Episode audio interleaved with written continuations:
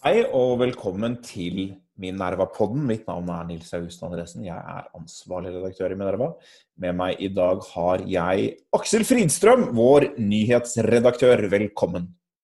Jo, takk for det. Det er lenge siden sist. Det er en stund siden sist. Eh, det har, skjedd, det har begynt å skje andre ting i norsk politikk enn korona. Vi har en sak om uh, Nicolai Tangen, nyutnevnt, ny ikke tiltrådt, uh, sjef for oljefondet. Det skal vi ikke snakke om i dag.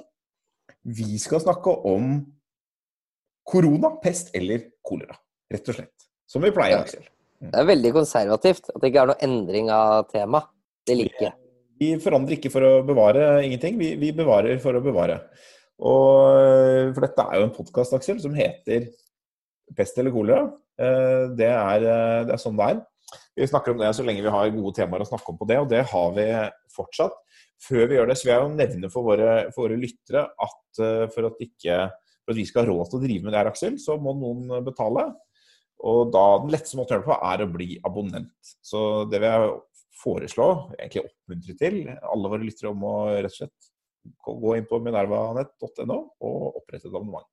Med det unnagjort, Aksel, så eh, har vi to temaer litt på blokka i dag. Det ene er en artikkel som jeg har skrevet eh, litt tidligere i uka. Det andre er en artikkel som du egentlig holder på å skrive. Den er ikke ute ennå. Men eh, lytterne, vi vet jo ikke når denne postkassen kommer. Kanskje den er ute når lytterne hører dette. Ja. Min artikkel den, den, heter 'Unntakstilstanden er over'.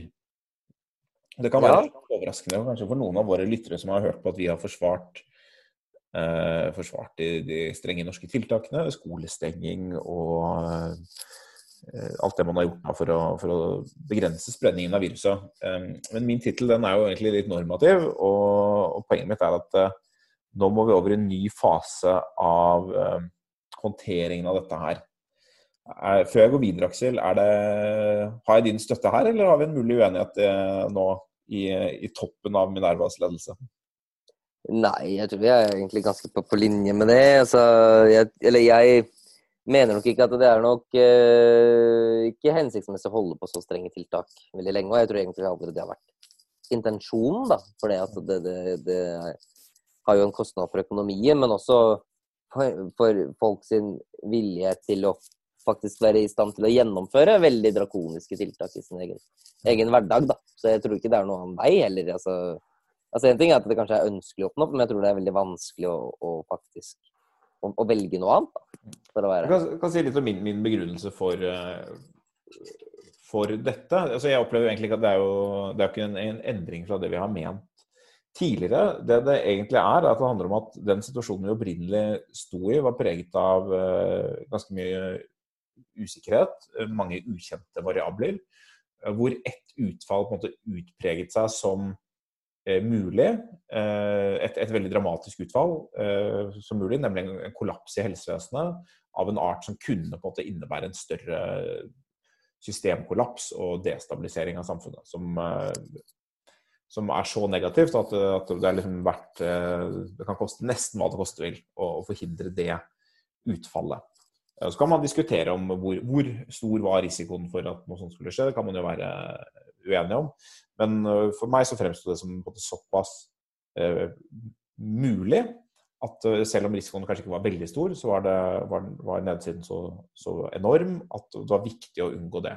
Og det kan man på en måte forklare på følgende måte at det var, det var ukjent hva som var den samme andelen av smittede som blir lagt inn på sykehus.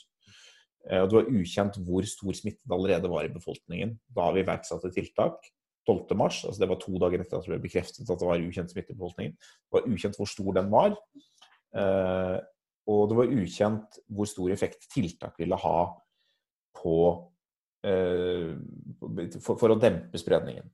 Og man kunne lage ganske plausible eh, scenarioer der relativt stor smitte allerede i befolkningen kombinert med litt lavere effekt av tiltakene eh, enn det man kanskje ønsket seg, Eh, og en litt høyere dødelighet og, litt høyere innleggelsesandel og sånn av, de smittede enn det man kanskje kunne håpe på, eh, som ville føre til en ganske rask eh, ekstrem situasjon i helsevesenet.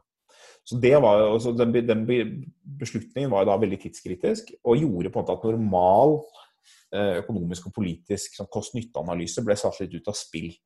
Fordi det var, det var, så viktig å unngå et bestemt type utfall. Og så kan man si at liksom, de tiltakene vi har satt i verk, har vært ekstremt kostbare. og Vi har ikke kunnet gjøre noen ordentlig analyse av dem på forhånd. Men hvor tankegangen har vært at det er en type tiltak, en type økonomiske problemer som selv om det er ekstremt dramatiske, er kjent og i en viss forstand av ordet håndterbart. Og reversible. Altså, og, og reversible. Og reversible. Ja. Og reversible i en viss grad. Men det som er tilfellet nå, Aksel, mener jeg at eh, denne strategien har jo da lykkes veldig godt i å slå ned smitteraten. Og eh, ja, den har jo da blitt beregnet til under 0,7. Eh, kan hende gå litt opp igjen. Men det, eh, så det er liksom det ene bildet. Det andre bildet er at vi har jo nå et bedre bilde av hva som er belastningen i helsevesenet på intensivbehandlingene. Som gjør at eh, risikoen for at vi nå skal havne i et sånt overbelastningsscenario, selv om vi åpner opp, eh, er mye lavere. Eh, altså det, er jo fortsatt sånn at det går noen uker fra, fra man åpner opp til man liksom konkret ser konsekvensene i helsevesenet. Men med de overvåkningssystemene vi har nå, så vil vi, vi vil klare å fange opp en, uh, omtrent hvor raskt smitten øker osv. Og så begynner vi å få noe kanskje etter hvert, og det blir tema for, for, for din artikkel, noe mer pålitelig informasjon, om hva, selv om det ikke er helt fremme ennå, på, på, hva som er innleggelsesandelen. Så etter hvert så vil vi ha uh, et bedre bilde der. Men der, faren ved å åpne opp i dag er ikke akutt. Og Det betyr ikke at vi skal slippe opp fullt, men det jeg mener med å si at unntakstilstanden er over, er at vi er nå over i en situasjon der normal eh, politisk økonomisk kost-nytte-analyse må tilbake inn i bildet. Eh, at, så, det, vi har tidligere diskutert disse ulike strategiene, brems, slå ned osv. Eh, vi, vi er nå over i en situasjon der jeg tror vi både mer rasjonelt kan tenke litt tiltak for tiltak. Er dette tiltaket verdt kostnaden?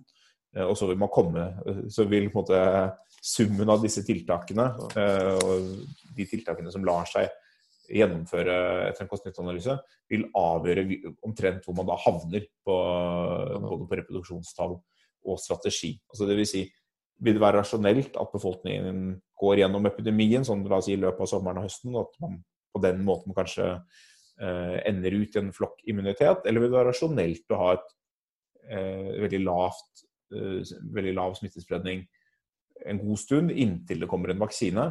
Hvilket av de to scenarioene som blir på det sluttproduktet, avhenger av hva slags tiltak som finnes, og, og, hva slags kostnad disse tiltakene har. Og det må nå bedømmes etter en alminnelig kost-nytte-analyse. Men for å si noe mer ordentlig om det, Aksel, så, så tenkte jeg vi kan eh, gå over på din, eh, ditt tema. For, for, for, det avhenger jo ganske mye av hvor mange som blir lagt inn. Altså hvor stor belastning på helsevesenet er. og Der har man jo sett helt enormt sprikende anslag. Det samme gjelder jo dødelighet. Man ser et anslag spriker fra under 0,1% av de smittede til eh, til en halv prosent til 1% eller til eh, sånn som det var på NRK Debatten eh, for en måned siden, hvor man snakket om liksom 7-8% som dør. 150 000 kan dø. Du har sett litt på, på en studie som, for, som er egnet, av en type som er egnet til å si noe om dette. Kan du si litt mer om, om det? Ja, altså Det er jo flere studier jeg har sett på, men eh, det man jo eh, har store forhåpninger til, og som det er jo grunn til å ha en del forhåpninger til også, er jo disse testene for, eh, for antistoffer. Altså opptil nylig så har man først og fremst testet folk for viruset. altså det vil si at man, man tar jo en test av uh, øvre luftvei og sjekker om altså, dette viruset SARS-CoV-2 finnes der. og Hvis du, du, har det, så blir du da sagt at du, du er positiv, da, uten at du ikke nødvendigvis har vært syk, men du blir da positiv for dette, dette viruset. Uh, en annen, det som er ulempen med den type uh, måte å teste på, er at man finner jo ikke ut om folk allerede har vært igjennom sykdommen. Det er jo mange som eh, i, i, disse tilfellene som er eh, nesten ikke får noen symptomer, antagelig har veldig veldig korte sykdomsforløp, men som kanskje likevel har ervervet en eller annen form for immunitet. Og som man også må ha med i beregningen når man ønsker å si noe om sant, hvor, hvor, hvor farlig denne sykdommen er. Altså hvor stor andeler er det? Altså hvor mange må bli smittet da, for at du får så så mange på sykehuset etc. Eh, og Det har det vært vanskelig å gjøre med de, eh, de, testene som bare tester for viruset. og Derfor har man jo også utviklet antistofftester, som også er egnet til å si noe om hvor mange det er som har eh, fått en infeksjon, og da gjennomgått infeksjonen. For man kan spore de antistoffene i, i ettertid. Mm. Og det Eh, nå er det jo to, i all hovedsak to studier som er ganske omtalt om dette. Det ene er jo et som er gjort i, i Gangelt i Tyskland, ved grensen til, til Nederland. Hvor de hadde jo da de gjorde den vurderingen at de ville gjennomføre et, et karneval. Så de, de, de, avsluttet ikke det, og det førte jo til at denne lille tyske kommunen hadde jo da mye mer smitte enn resten av Tyskland. Og Der gjorde de jo en sånn en antistofftest, og da fant de vel eh, veldig veldig mange, mange flere smittede enn det man hadde klart å, å, å påvise. Eh, omtrent 14-15 av befolkningen. Eh, og så har man da regnet seg tilbake til at det innebærer en, en lavere eh, letalitet eller dødelighet på sykdom, da på mellom 3 og 4 promille. Eh, et annet studie, som er et nyere studie, det er jo da gjort i, i California, i Santa Clara. Eh, og Der har de da også brukt antistofftester og funnet mellom 50 til 85 ganger så mange eh, som har gjennomgått et sykdomsforløp, som det man da har klart å finne med, med de vanlige testene som tester for, for viruset.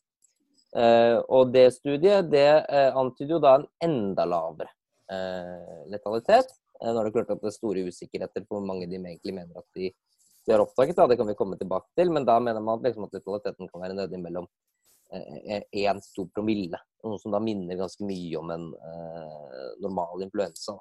Mm. Så Det er liksom uh, hva disse studiene er, uh, viser, da. Men så er det jo også en del problemer med disse studiene. som Eller problemer eller problemer, det kommer litt an på hvordan, hvordan du forholder deg til datamaterialet. Men det man nok uansett bør, er å forholde seg til dette med en viss varsomhet. Og Eh, det som er problemets kjerne her, at en ting er at du har en, en, test, men hvordan er det du tester testen din? Altså Hvordan vet du at denne testen egentlig gir deg eh, de riktige resultatene? Eh, og Det kan jo være ganske vanskelig å finne ut av, for at du, du har jo en, en, helt ny sykdom, så du vet egentlig ikke om de utslagene du får på testen, egentlig gir deg helt presis informasjon som du kan være sikker på at det er riktig. Det er, to, eh, det, er to, eh, det er veldig interessante disse testene, Aksel, og de funnene. De kan jo potensielt endre litt, eller i hvert fall justere litt hvordan vi, vi, vi ser på alvorlighetsgraden av sykdommen. Jeg, jeg, tenker på et par andre utfordringer som er interessante, som er litt relatert til dette at det er en helt ny sykdom, at vi ikke vet, vet ikke hva vi skal teste testene mot. Og Noe av grunnen til dette er at disse, testene, disse paperne som publiserer disse funnene, kommer jo veldig raskt og blir ofte veldig raskt brukt politisk. Folk som har eh, ofte da et spesifikt syn på, på tiltak eller ikke tiltak, hva slags tiltak, er veldig interessert i disse funnene og kan bruke dem til å si eh, sykdommen er mer alvorlig eller mindre alvorlig enn, enn man har sagt før. Um, og, og, de blir jo da ofte presentert lenge før de er peer-reviewed. Uh, de er på en måte ikke kvalitetssikret etter alminnelige vitenskapelige standarder. Jeg så f.eks. da dette, dette, Santa Clara Paper som du snakket om, med, som fant da denne raten på 1-2 promille. Fått, uh, der er det allerede funnet en del feil, i hvert fall det er påstått at det er funnet en del re, rene matematiske feil. Altså påstått uom, uomtvistelige feil. Det er jo til en del uenighet om metode og andre typer ting som kan være mer diskutabelt. Men her er det da påstander om at det er direkte feil i, i kalkulasjonene av standardfeilene, eh, som er, kan være litt, høres litt teknisk ut, som er veldig viktig i den forstand at implikasjonen kan være at liksom, utfallsrommet eh, de bruker det, det gjelder da hvor mange de som er eh, smittet eller ikke smittet, hvor utfallsrommet kan bli veldig mye større enn det som er oppgitt. Og dermed eh, kan det hende at veldig få er smittet.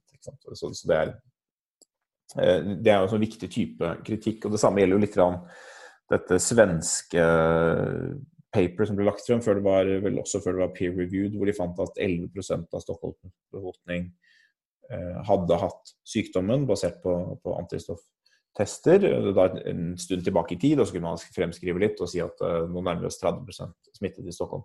Og det, det, er fortsatt et helt mulig funn, men den, det paper ble vel da trukket uh, i går etter at det var funnet problemer med, med innsamlingen av Eh, av prøver som ble benyttet. Altså det, var, det var ikke et tilfeldig utvalg, men det inkluderte muligens, eh, og muligens ikke, eh, noen prøver som var positive fordi de var blitt brukt for å, å lage serum eller noe, noe, av den typen. Så, så jeg har ikke jeg, det er sikkert andre som kan fylle inn disse detaljene bedre enn meg, men det viser på noen av problemene når dette går så fort. At det er vanskelig å kvalitetssikre ordentlig hva som er eh, hvor gode testene er, metoden som er brukt, at det ikke har skjedd noen feil underveis.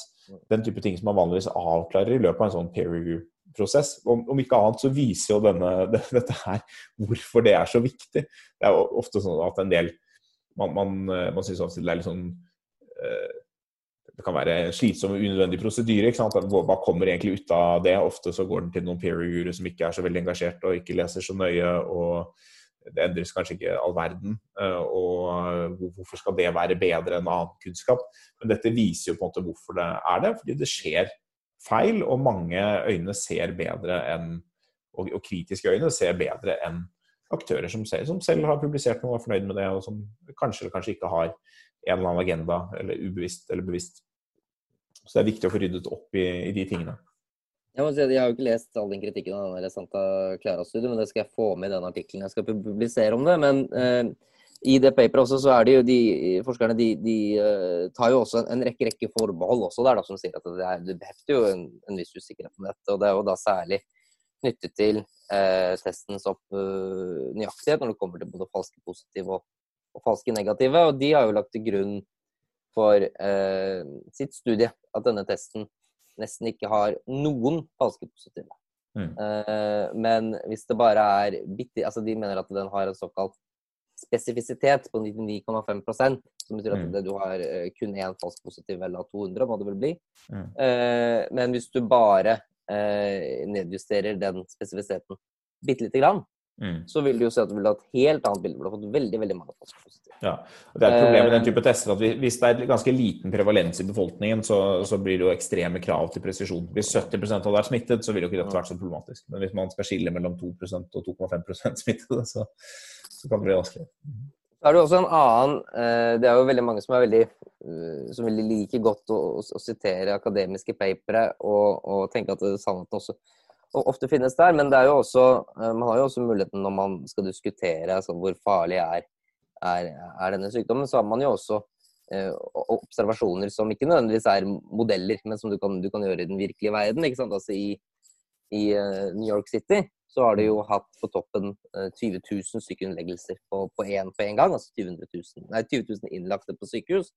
De har hatt over 30 000 innleggelser gjennom hele epidemien. Og de har jo Eh, mellom nå, tror jeg, 9500 og 14 000 eh, døde. For de har noen bekreftede døde, og så har de noen ant, altså mulige døde mm. av, av dette sykdomsforløpet. Og det tilsier jo av hele befolkningen i New York, altså ikke bare de som er smittede, men av hele befolkningen, så ligger dødeligheten på over 1 promille.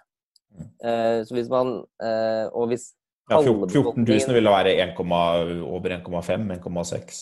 Ja, 1,7 promille. Og uh, hvis man sier at bare halve befolkningen er smittet, mm. så vil jo uh, dødeligheten da ligge på mellom 2 promille og 3,5 uh, eh, omtrent. da. Ja. Så, og, og, I tillegg har du de som ennå ikke er blitt syke, som er smittet, men ennå ikke har dødd. Ja. ja så det, vil, det viktig, vil. Mm. Så det er jo viktig å huske på at formålet med, med et vitenskapelig studium, det er jo å kunne beskrive hendelser som skjer i den virkelige verden. Og hvis den virkelige verden liksom viser at fra et reelt eh, utbrudd i New York viser at her har du eh, helt beviselig mye høyere letalitet, så er det jo mye mer sannsynlig at det er noe galt med studiet enn at det er noe galt med den, med den virkelige verden. Ikke sant? For studiet har bare til sin hensikt å forklare hvorfor den virkelige verden er som den er. Den representerer ikke den faktiske virkelige, virkelige verden så er det jo sånn at uh, det kan jo være ganske stor forskjell i letalitet mellom uh, ulike steder. Altså, letalitet er jo ikke en ren egenskap ved viruset. Det avhenger av befolkningens helsetilstand, uh, alderssammensetning mm. og selvfølgelig helsevesenets funksjonsmåte og befolkningens tilgang til helsetjenester. Så nå, nå, kommer det jo studier i Norge på, på rekrutter hvor vi, som skal da ha denne type antistofftester. Da får vi noe bedre data fra, fra Norge, og det blir Eh, det blir spennende. Eh, jeg ja, mener fortsatt De gjør noe ganske smartere med disse rekruttene, for de tester dem også på, på den gamle måten. Ja. Så de blir testet, eh, i hvert fall det klarte jeg å lese meg til, så de blir testet to ganger. Og det har du også et, et grunnlag også for å kunne drive et benchmark, da, altså en test mm. av, av testen. testen. Slik at det, eh, også norsk innsats og testing kan skape et bakteppe for å ha en mer informert diskusjon. da. Hele presise disse, disse testene egentlig er. Det blir bra. Da, og da får vi også Jeg, jeg mener jo at de, de funnene som er nå, de er forstått kompatible med alt mellom altså 0,1 mener jeg er for lavt i sånn virkelig verden, men mellom 0,2 og 0,7 kanskje. Kanskje noen, noen land vil få høyere. Det ligger egentlig der man har trodd hele tiden, så jeg vet ikke hvor mye det, det endrer. Det viktige er jo hva, hva som blir belastningen på, på helsevesenet. Eh, men og det er for Noe av dette er for så vidt fortsatt kompatibelt med at et frislipp ville føre til en, en eh, kollaps. Men for å oppsummere i dag, Aksel, vi gleder oss til å vite mer om antistofftester. Vi håper at, test, at sykdommen er noe mindre alvorlig enn fryktet. Og vi mener det nå er på tide å få drikke øl igjen i Oslo. Og det er det nå åpnet for, så da kan vi anbefale våre lyttere Er det det? Ja, det, skal, nei, det er ikke åpent for det. Nei, nei, beklager, det var upresist. Det, det, det er vedtatt at det skal, skal åpnes. åpnes. Ja, ja. ja, for da hadde jeg ikke giddet å spille inn podkast da, hvis det hadde vært uh, åpnet. Så det, Foreløpig er det ingen grunn til å gå ut og drikke øl. Da kan man bare gå inn på Minervas nettside og tegne abonnement. Men jeg vil nok kanskje også si at det, det, er jo en fin påminnelse da, om at eh, en halvliter koster jo borti 89 kroner i våre dager mange steder. Og det er jo det samme som et helt månedsabonnement på Minerva. Så man kan jo tenke på alle de halvliterne man har spart eh, mellom 12. mars og i dag.